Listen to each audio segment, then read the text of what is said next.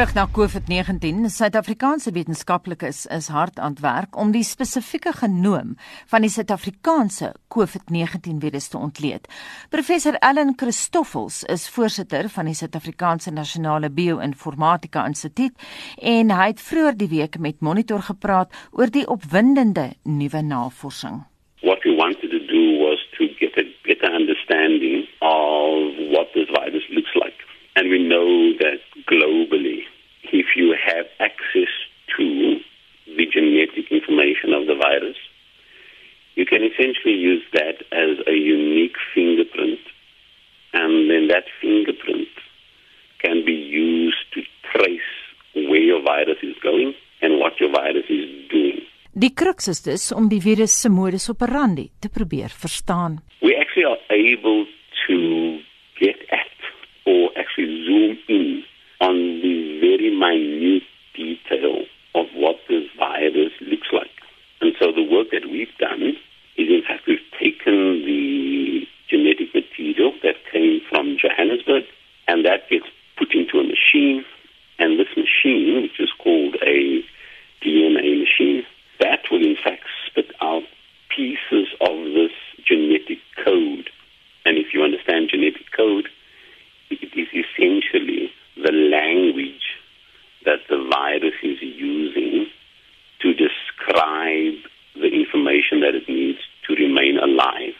In die proses word verskillende rekenaars gebruik om tot 'n wetenskaplike slotsom te kom.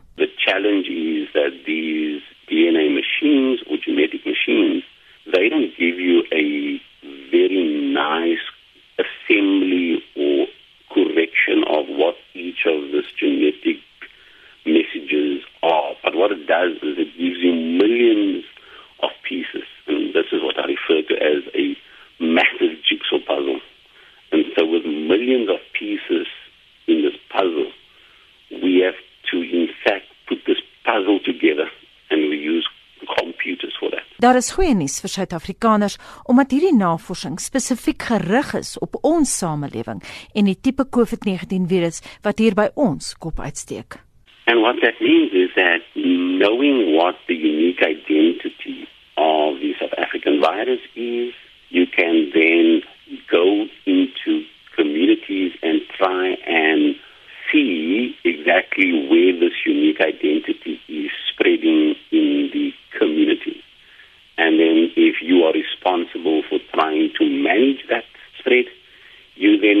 essentially having a bird's eye view of how this virus is moving through the different communities. In die proses is dit van kardinale belang dat soveel toetsings as moontlik in die veld gedoen word. We need more of this kind of data to fully understand how this virus is changing because what we had over here was just one snapshot or one view of what this virus looks like. As we start to increase our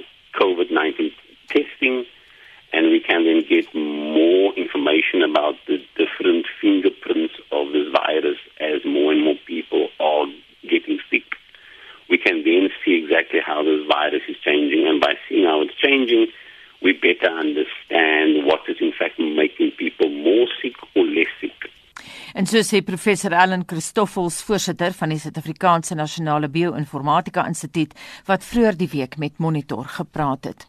Sewe gesondheidswerkers in die privaat Morningside Kliniek in Johannesburg is in kwarantyne nadat hulle positief getoets het vir COVID-19. Die mediese personeel was in aanraking met 'n pasiënt wat geen COVID-19 simptome gehad het nie. Die pasiënt is opgeneem weens 'n beroerte. Vir meer konteks hieroor praat ons nou met Dr. Kloete van Vuren, infeksie siekte spesialis by 3 Militêre Hospitaal in Bloemfontein en van Vuren gee ook klas by die Universiteit van die Vrystaat se Mediese Fakulteit. Goeiemôre Kloete. Môre Anita. Kan 'n pasiënt presenteer met beroerte waarvan die onderliggende oorsaak COVID-19 is? Ja, kyk, ek dink daar's daar's twee maniere. Uh die een ons weet nou uit uh lykskouing studies en ander verslae dat in baie siek pasiënte uh 'n klein persentasie van hierdie mense se immuunstelsel so geooraktiveer en in wanorde is dat hulle beroertes kry. So dit is die een groep, maar duidelik is dit nie hierdie geval nie.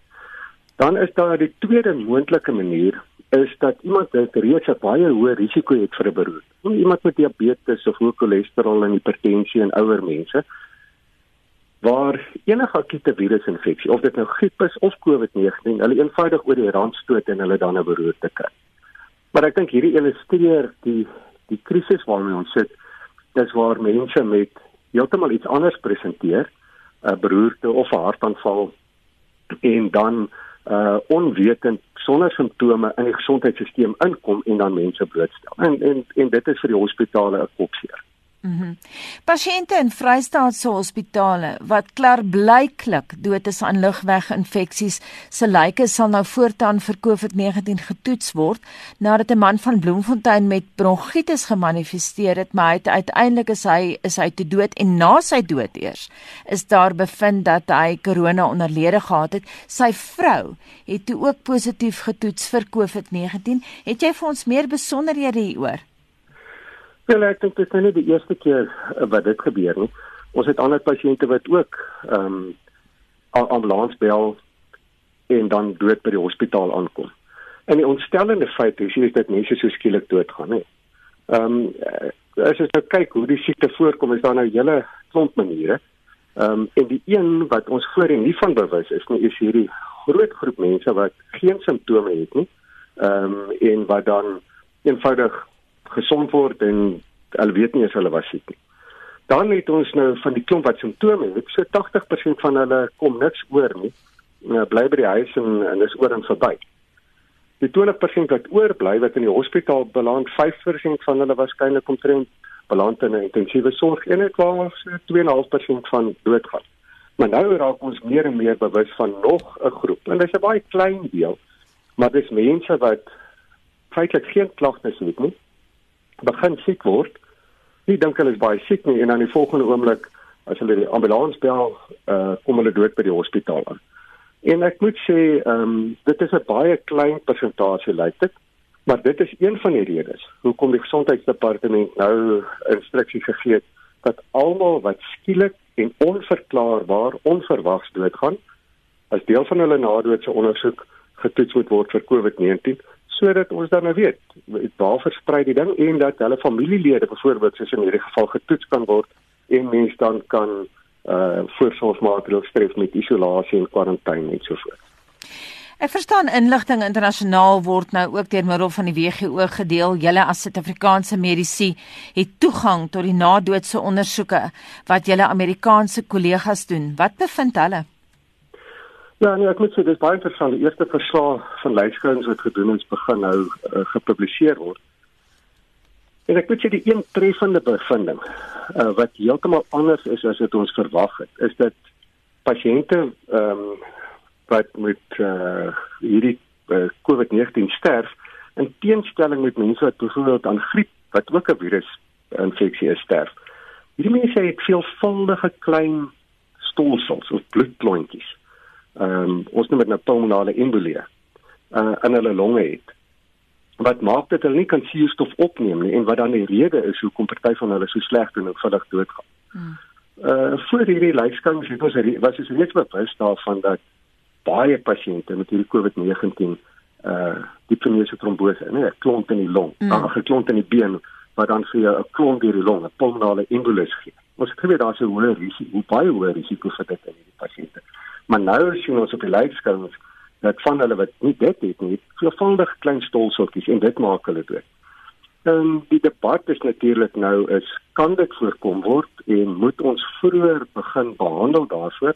En uh, die aard van die saak enige behandeling het het komplikasies, ook so dis daar dis nog nie duidelik hoe ons hierdie uh, nuwe inligting moet hanteer nie. Is die kurwe van die virus besig om af te plat in Europa? Daar is sulke stellings gemaak die week. Ja, nee, ek dink verseker is die kurwe besig om af te plat. Ehm um, ons uh, sien dat die as jy kyk net aantal nuwe gevalle en die aantal sterftes, Italië uh is besig om te Spanje dieselfde. Maar ek dink ons moet net nie kyk na spesifieke aantal gevalle en sterftes ook nie. nie.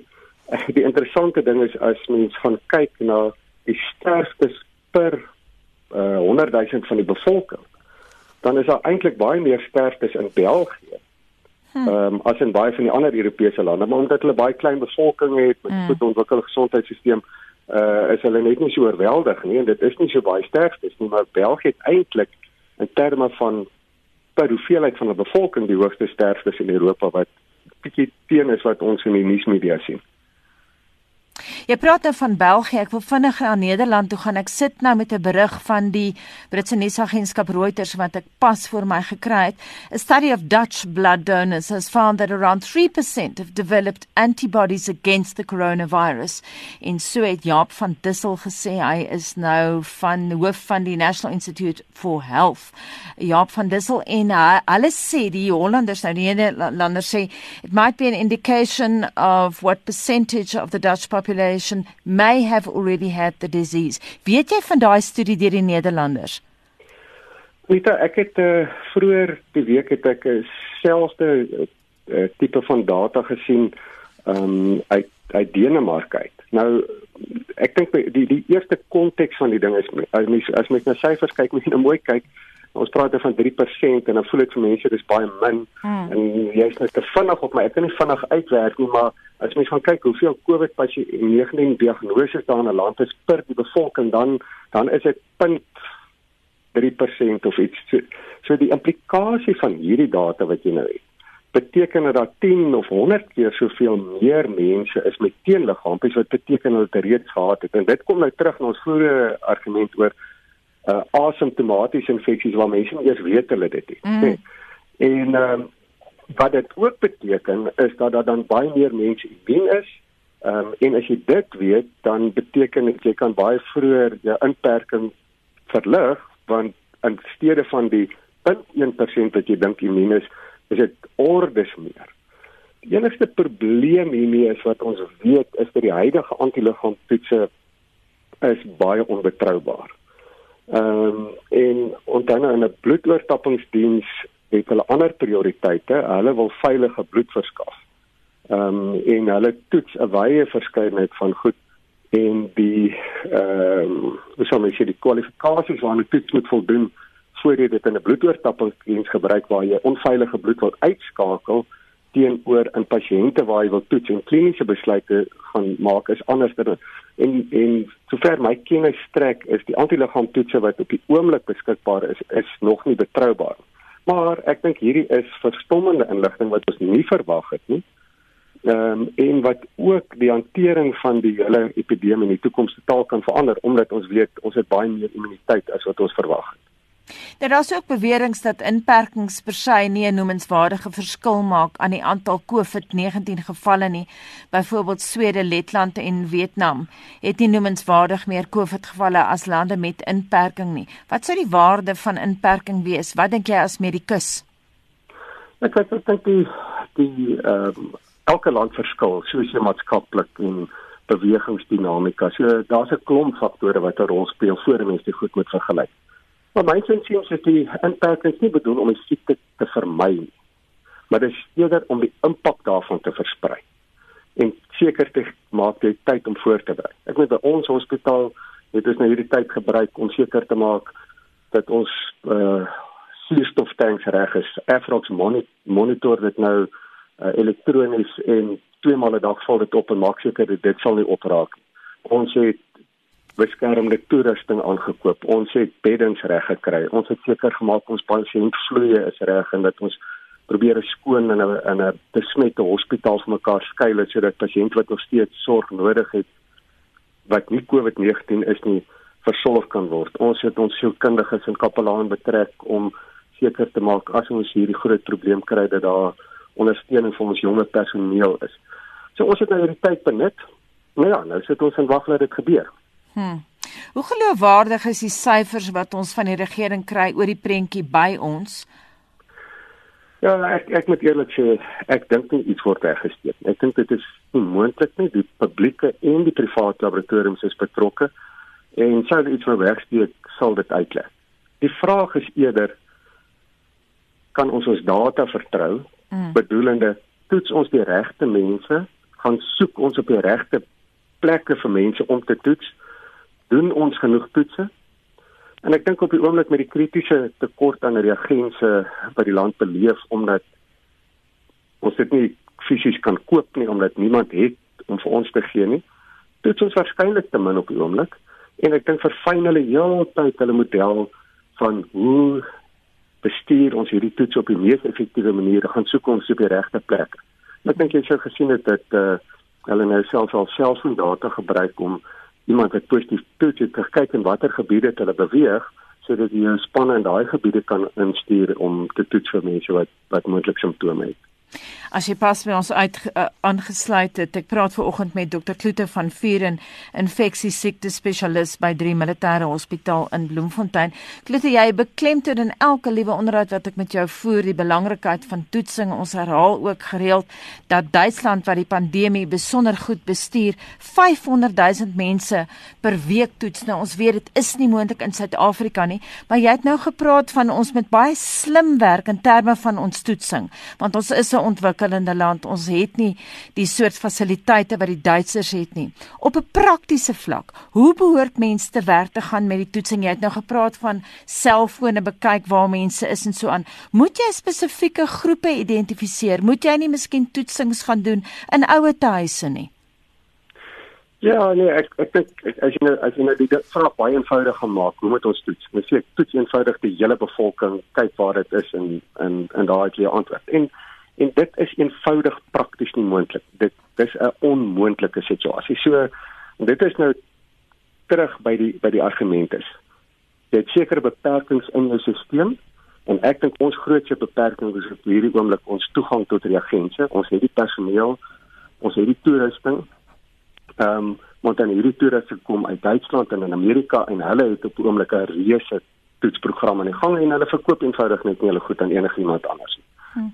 Ehm um, so nou moet jy gaan as jy 'n geval kry, spoor jy die kontakte op en hierdie kontakte ehm um, alle kontakte en dan soos ek gesê het is dis dis baie interessant die selfoondata wat nou beskikbaar is dit hulle doen dit op so 'n manier dat hulle nie mense se persoonlike identiteit verklap nie maar jy kan sien in watter gebiede uh hulle rondbeweeg het. En dan soos ek ook gesê het is hierdie hierdie postmortem ehm um, toetsing. Uh so as jy skielik in in ouer tyd 'n onverwagte sterfte kry en jy dan nou hierdie persoon se toets en jy kom agter maar hier's 'n positiewe toets kan jy vinnig aan daai ouer tyd in beweeg uh en dan almal gaan toets en, en seker maak jy probeer dit onder beheer kry.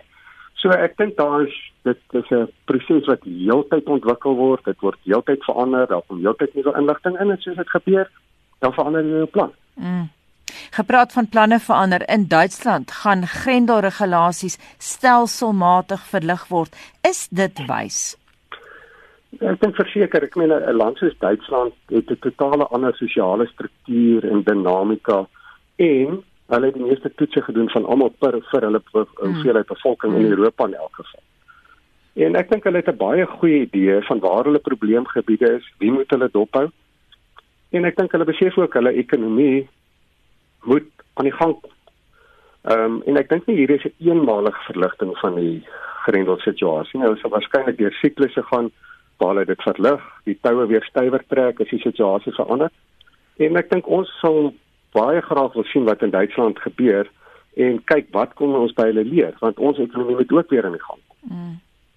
Ek het onlangs 'n lang onderhoud gevoer met 'n akademikus wat sy doktorale proefskrif gedoen het spesifiek oor die Spaanse griep van 1918 en hy het in hierdie onderhoud vir my gesê dat daar meer as 1 vlaag van hierdie griep was. Trouwens daar was 3 vlae. Kan dieselfde met die koronavirus gebeur dat die virus byvoorbeeld muteer? Ons sien 'n tweede vlaag as ons nou eintlik dink, "Ag, ah, ons is nou oor COVID-19." Ja, ek dink kyk die eerste ding is ehm um, met die Spaanse griep was daar oor 'n tydperk van 'n jaar twee groot vlae en dan soos jy sê tussen en nog ander ook en uh jy kan eintlik 'n hele paar tel. Ehm um, die die daardie vlae het eintlik iets te doen met mutasie nie, nee, wat daar gebeur is uh almal word nie die eerste ronde blootgestel nie. Ehm um, en dan soos mense weer beweeg en sekere dorp, klein dorpies miskien nie, nou trek hulle weer stad toe en dan die volgende winter as jy dink weer verbykom, het jy weer hierdie ding gehad en uit die aard van die saak was uh sekere streke en gebiede selfs in ons eie land wat met die eerste vlaag nie erg getref is nie, is dit die tweede vlaag erg erg getref. Mm.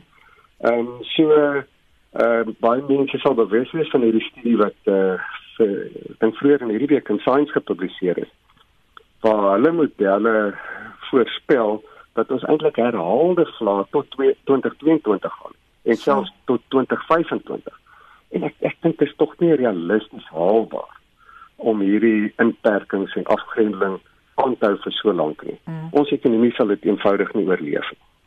Maar as jy nou praat van muteer, kyk in jou vorige onderhoud het hulle ook gepraat, so muteer is as die genoom verander, maar ja. daar's twee plekke waar die genoom verander.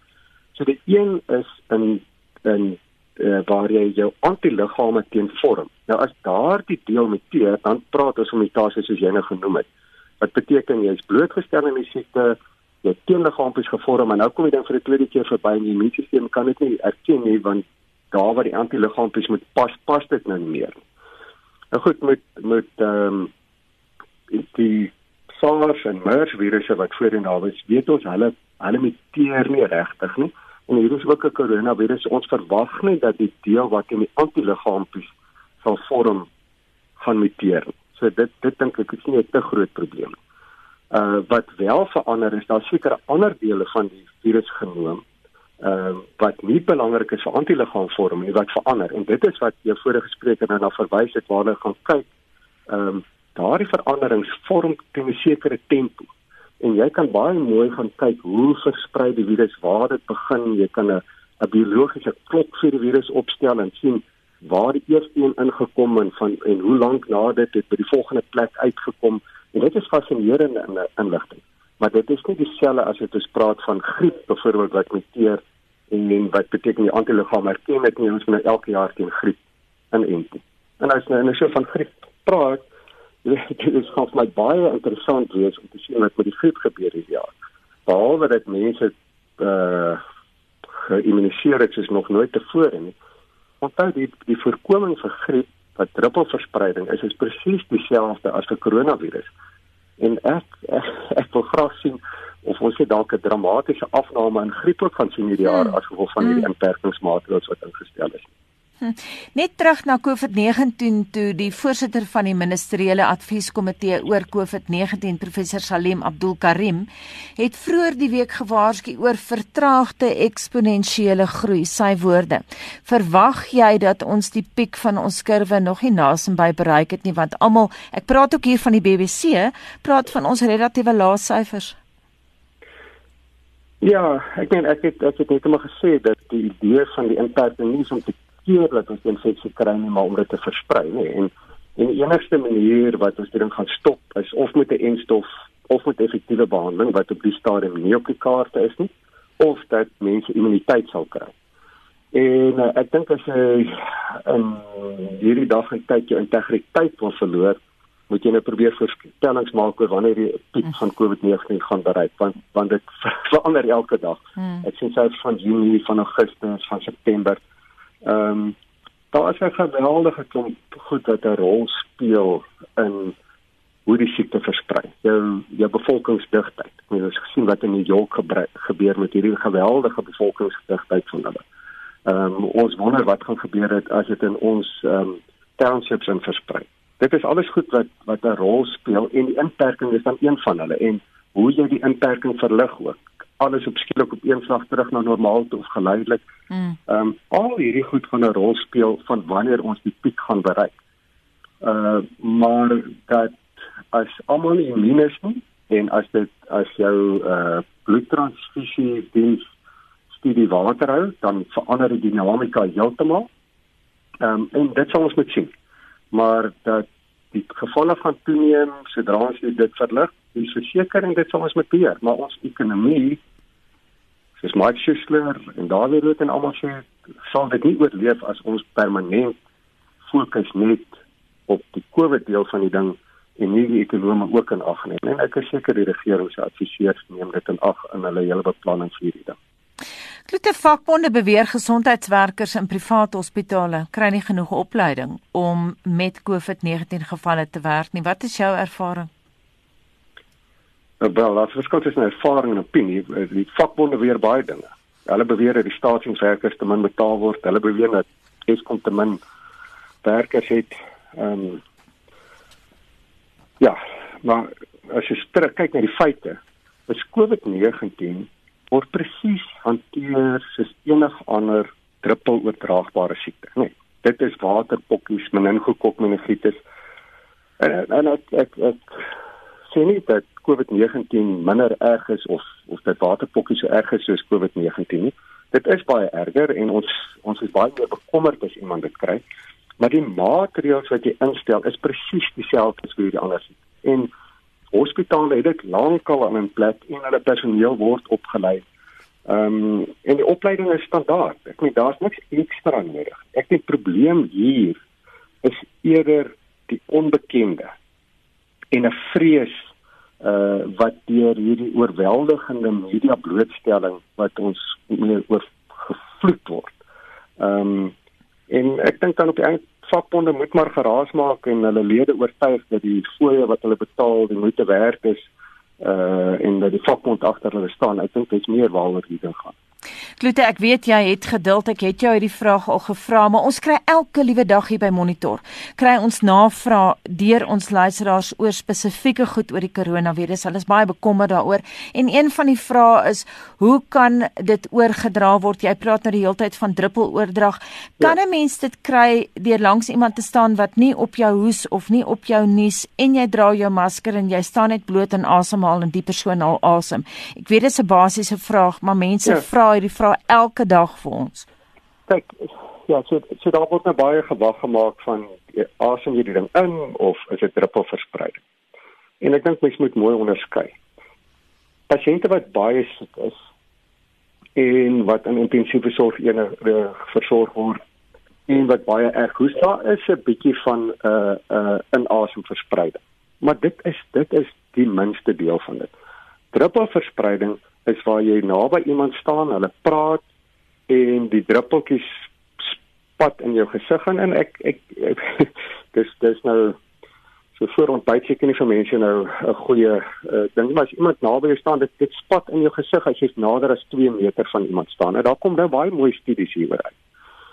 Maar uh, dit kan ook op jou hande spat en as jy dan in jou hande vat dan uh, aan jou gesig vat dan raak jy dan en dit is nou waar die hele ding kom as jy 'n oppervlakte vat en dan deurknoppe en dis waar oor die hele hande was gaan. Soos iemand daarby staan en praat en jy het jou masker op en hy het sy masker op, gaan dit nie sy masker gaan maak dat dit nie op jou uh arms miskien val of op jou hande nie, maar dan was jy nog maar steeds jou hande. So dit hierdie ding gaan primêr oor jou hande was. Die hele storie oor die maskers is vir baie mense verwarrend en ek dink in kort net kom dit daarop neer aanvanklik toe daar baie min mense was met die ding en dit het nie eintlik versprei nie. Uh is die kans dat iemand met 'n masker het op het uh die siekte onderlede het en versprei baie klein en baie en en weet jy dit sê jy so geweldig baie maskers moet gebruik om dit te voorkom. Nou dat ons weet daar's baie asymptomatiese mense wat rondloop met die siekte.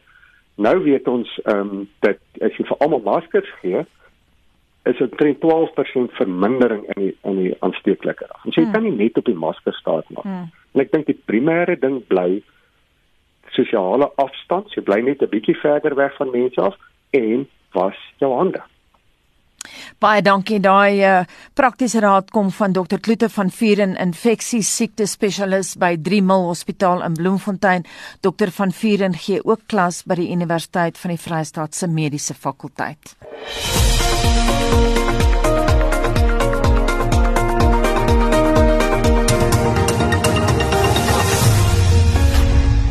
Tyd vir Winston se terugvoer. Wat sê ons luisteraars oor hulle drome vanoggend? Dis nou korona verwante drome.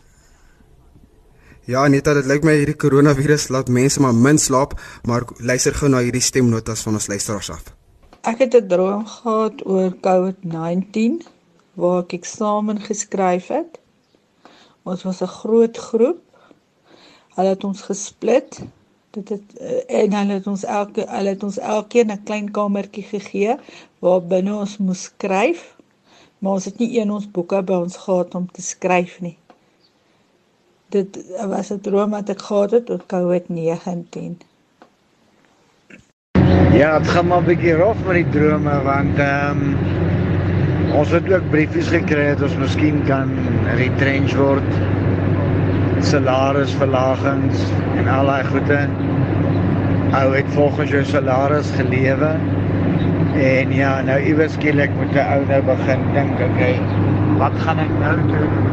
Sou ek geretrench word? Ek weet nie of ou die retrench ding by almal value skuld bygesit het nie. En hoe dit jou gaan help nie.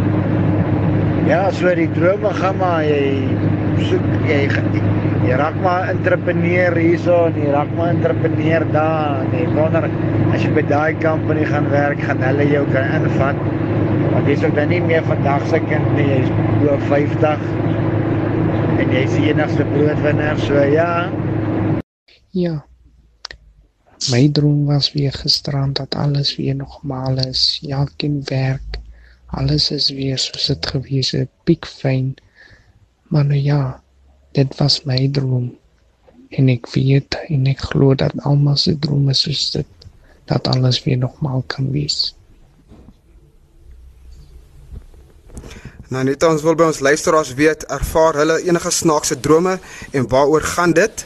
En eh, so kan ons luisteraar 'n SMS na 45889 stuur teen R1.50 per SMS of gesels saam op facebook.com vorentoe skynstreep ZRSG en hulle het 'n laaste kans om hulle stemnotas te stuur na 076 536 6961.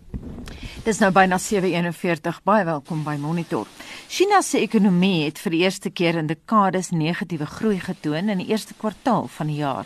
Marley Forsie hou vir ons internasionale nuusgebeure dop en volgens data wat vandag in die land bekend gemaak is, het die ekonomie in China met 6,8% gekrimp te wyte aan die COVID-19 pandemie.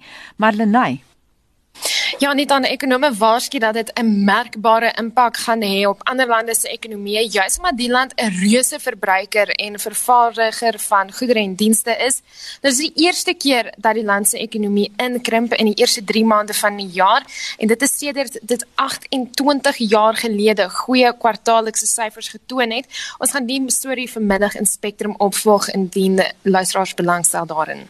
En dan 'n ander deel van die wêreld, maar dan nou die Amerikaanse president het intussen die land se plan om die ekonomie te heropen gister bekend gestel. Wat behels die plan?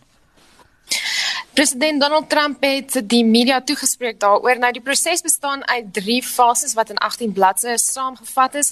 Elke fase sal 'n minimum van 2 weke neem om geïmplementeer te word.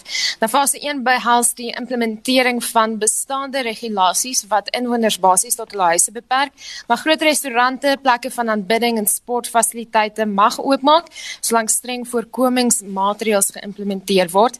In fase 2 word meer gereelde beweging in openbare ruimtes toegelaat toegelaat skole en kroë kan ook heropen, maar afstand moet steeds gehandhaaf word. En dan in fase 3 mag openbare interaksie toegelaat word indien 'n afname in simptome en gevalle aangemeld word. Besoek aan ouerhuise en hospitale kan voortgaan en kroë mag dan nou meer mense toelaat. Trump het hierdie as 'n pragtige legkaart beskryf. I think you're going to see quite a few states starting to open and I call it a beautiful puzzle. You have 50 pieces all very different. But when it's all done, it's a mosaic. When it's all done, it's going to be a, I think, a very beautiful picture. Die aankondiging kom egter met 'n waarskuwing van die leier eh, se FSA Corona taakspan, Dr. Anthony Fauci. But even if you are in phase 1, 2, 3, it's not okay, game over. It's not. It's going to be a way that we protect ourselves because, as we know, and as I've said from this podium, it may very well be as we go the cycle around that there'll be this virus that wants to come back to us. I think we're going to be able to handle that. En dan was die leier van die FSA se corona taakspan Dr Anthony Fauci. Malenay, wat is die jongste COVID-19 nuus uit ander dele van die wêreld? Daar is wêreldwyd sowat 2,1 miljoen gevalle en 143 000 sterftes. In New York en alleen is daar die afgelope 24 uur 600 sterftes aangemeld.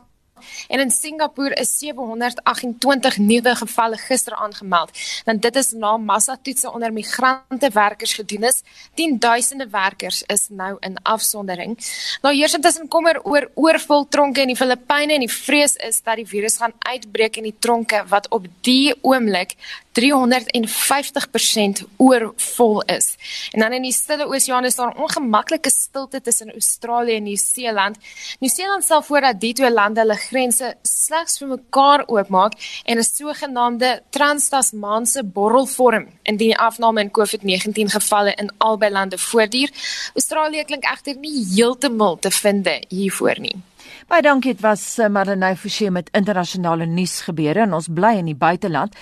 Daar uh, is van dese week 'n skerp stygings in die aantal vlugte vanuit Europa na Addis Ababa in Ethiopië aangemeld waar personeel op die Bole lughawe bond staan om mediese voorraad te herpak en te herlei na ander bestemmings op die kontinent asook die eilandstate in die Indiese Oseaan. Die Wêreldvoedselprogram Die grootste internasionale humanitêre hulporganisasie is in beheer van die projek wat logisties gesproke baie fyn beplanning kos. Monitor het die week met die WFP se hoofwoordvoerder in Oos-Afrika, Pieter Smurden in Nairobi gepraat. It's a big operation just in Addis Ababa in the humanitarian hub. We have 25 WFP aviation and logistics staff. They're based there. It's a 24 hour operation. It will expand because there is a great need for materials to combat COVID throughout Africa. And there are more than 50 countries in sub Saharan Africa. So we really need to push out this equipment and supplies as fast as possible because everywhere in Africa, COVID is picking up. En die aantal COVID-19 gevalle neem juis toe in gebiede wat noodsaaklike toegangsroetes bied. It's accelerating, it varies from day to day, but certainly recently in this region, East Africa and the Horn, there is, in the last few days, there's been a real steep acceleration in Djibouti, which is a small place, but it's a hub as well itself for flights and shipping onto other places. So that's the worrying thing in Djibouti. It's taken over from other countries in the region just in the past few days with an acceleration of cases. Kenya's number two in East Africa after Djibouti, but that's why precisely you need to get this protective gear, supplies and equipment, including ventilators, in as soon as possible. Dit alles onderstreep die belang van Addis Ababa se rol in die bestuur van mediese toerusting wat van die week af Ethiopië binnestroom. That was coming from Dubai and it was a World Health Organization chartered flight which brought a lot of supplies and equipment to combat COVID to Addis Ababa. And then overnight, we took over, and from the hub in Addis Ababa, there was a flight to the Seychelles, overnight, and then early this morning it's going on to Mauritius, Madagascar, and the Comoros. Today there's a second flight that's left to go to Djibouti and then points further out from there. Die Wêreldvoedselprogram sê in 'n verklaring wat vroeër die week uitgereik is, dat die COVID-19 mediese voorrade onder meer gesigsmaskers, handskoene, voorskote, termometers en oogskerms behels. Die WFP het dan ook 'n punt daarvan gemaak om Ethiopië se COVID-19 landwyse bestuurder, Steven Were Omamo, te bedank vir die Ethiopiërs se vinnige samewerking om die verspreiding van die koronavirus te probeer beperk. Reuse stoorkamers moes beskikbaar gestel en bestuur word en beheersentra opgerig word as deel van die uitsonderlike operasie. Pretty much everything is needed. The flight that came in yesterday was carrying more than 1 million masks. But every country seems to have not enough equipment and protective gear, particularly when you see COVID accelerating quickly through Africa, as is expected to happen in the coming weeks. Maar hoekom word Addis Ababa gebruik in plaas van byvoorbeeld Johannesburg as 'n verspreidingspunt vir COVID-19 mediese voorrade? A lot of the equipment is coming from Europe or from China. So it makes more sense to have it in Addis Ababa than bring it all the way down to Joburg. There will be a series of hubs around Africa, but this is the first one that's just been set up in Addis Ababa because Ethiopia is a natural entry point, particularly for air cargo, with Ethiopian Airlines going down there, and we are chartering Ethiopian Airlines planes to move the air cargo. Dit alles kos geld, soos wat Pieter Smurden vanuit Nairobi aan Monitor verduidelik het.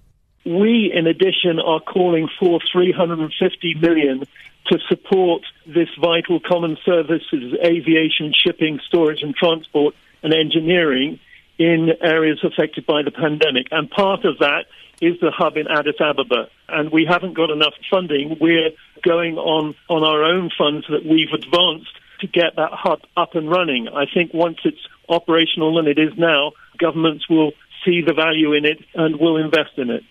Helaas kon niemand, selfs die hipergeorganiseerde Verenigde Nasies, waarvan die Wêreldvoedselprogram deel is, COVID-19 voorsien nie. No, I don't think anyone saw it coming precisely as it's come now. I mean, there were previous pandemics, but it is a huge development and it has severe repercussions, particularly in Africa, where there are a lot of slums, for instance, in urban areas. The health infrastructure isn't what it should be. And so our concern is that Africa is particularly a threat from COVID 19. It is just starting to accelerate in Africa, but it could be an absolutely terrible problem. So sê die VN Wêreldvoedselprogram se hoofwoordvoerder vir Oos-Afrika Pieter Smurden wat vroeër die week vanuit Nairobi met Monitor gepraat het. Dis nou 7:50. Leon van Nierop het hom gedurende die inperkingstydperk weer vir die kassie tuis gemaak en hy het vier produksies gekies wat hy wel wil aanbeveel vir ons. Leon, goeiemôre. Goeiemôre liewe Anita. Môre liewe Leon. Leon, The Investigator klink vir my nou 'n speurreeks, is dit? Dit is die Investigator British Crime Story wat nou op Netflix is. Is een van die mees verbluffende ware dokumentêre reekse waarna jy kan kyk met jou brein in eerste versnelling. Weet net, dis nie glip en glinster vermaak vol mooi mense in 'n vuurwerk vertoning van 'n storie nie, want dis die waarheid. Die uitmuntende en bedaarde, rustige ondersoekbeampte Mark Williams Thomas ondersoek ou moordsake. Wat 'n mens in hom waardeer is dat hy nie die kollig steel nie. Die ou moordsaak wat hy ondersoek is die belangrikste. In 1985 verdwyn Carol Packman. Ons besef dat haar man 'n verhouding met 'n vrou Patricia gehad het wat hy in hulle huis ingebring het. Wel is moeilik om te glo, maar sy het saam met sy vrou en dogter daar gewoon tot Carol verdwyn het. Wat aan die lig kom is verbuisterend. Geen skrywer kon dit uitgedink nie. Jy sal gefassineer na die episode kyk en nie glo wat gebeur nie. Die vraag is, het haar man, die leedvermaker Russell Packman, haar vermoor of wat het werklik gebeur? Gaan kyk gerus na The Investigator, a British crime story deel 1 op Netflix. 19. Leon, is daar iets ligs?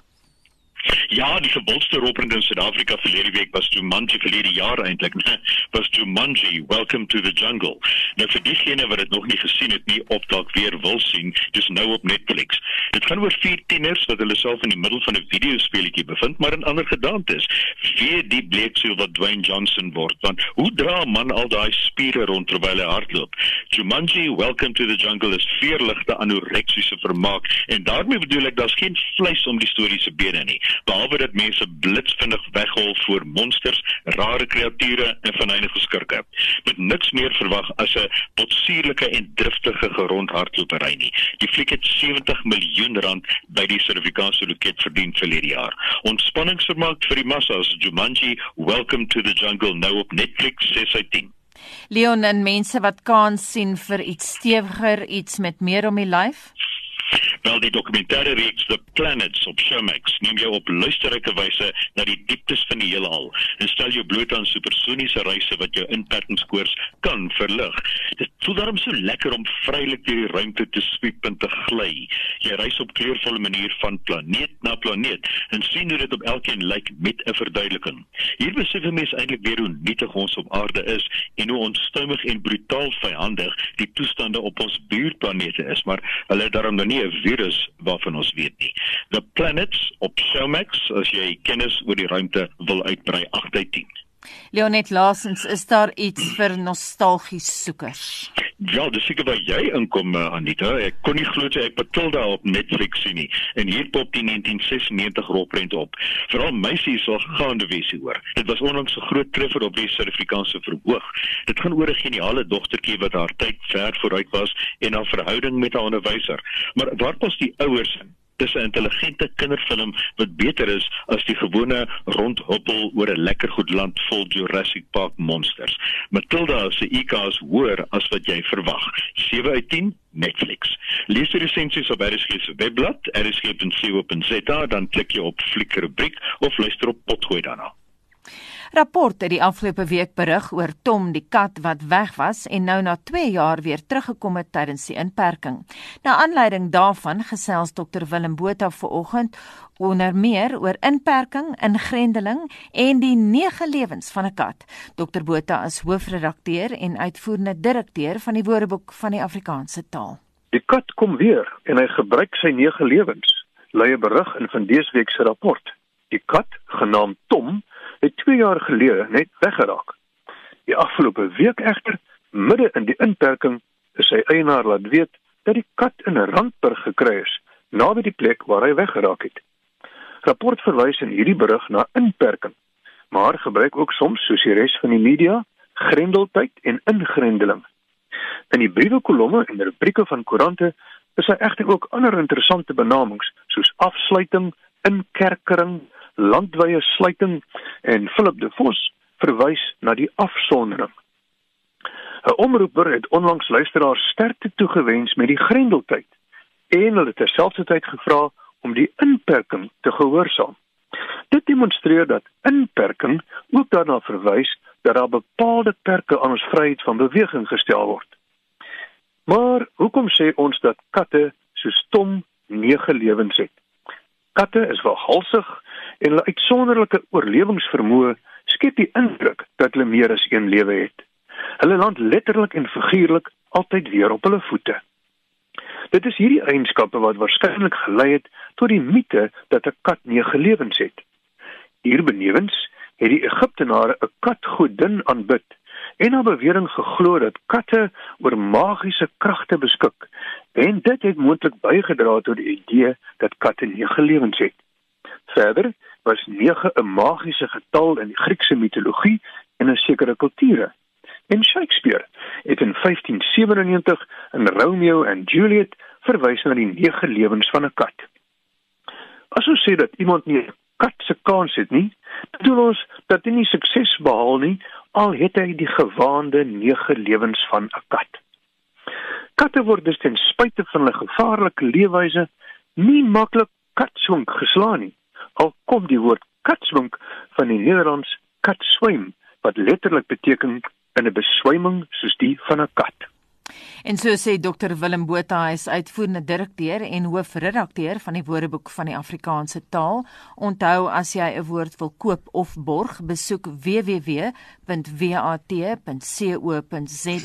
of Google eenvoudig borg 'n woord. Vincent, jy het die vloer vir laaste SMS terugvoer. Aneta het twee lekker paar drome, kom ons hoor gou wat sê die luisteraars. Ek het 'n droom gehad hoe verskriklik vet ek word in hierdie tyd. Alta. Goeiemôre. Ek het hierdie vreemde droom gehad. Daar was 'n weird goed in my naels. Maar jy kon dit sien, dis soos wanneer 'n splinter in jou naels gaan dan trek jy dit uit en iewes skielik sodra ek hom uittrek, ontplof hy in hierdie waterige aaklige draak affære wat ons dan moet beveg. En elke keer as jy een uittrek, dan ontplof hy na 'n groter een toe en dan het ons messe en ons steek hulle dood en dan splash hulle oral. Maar dan is hulle dood, dank die Vader, dan is hulle dood. Dankie Vader, dan is hulle dood.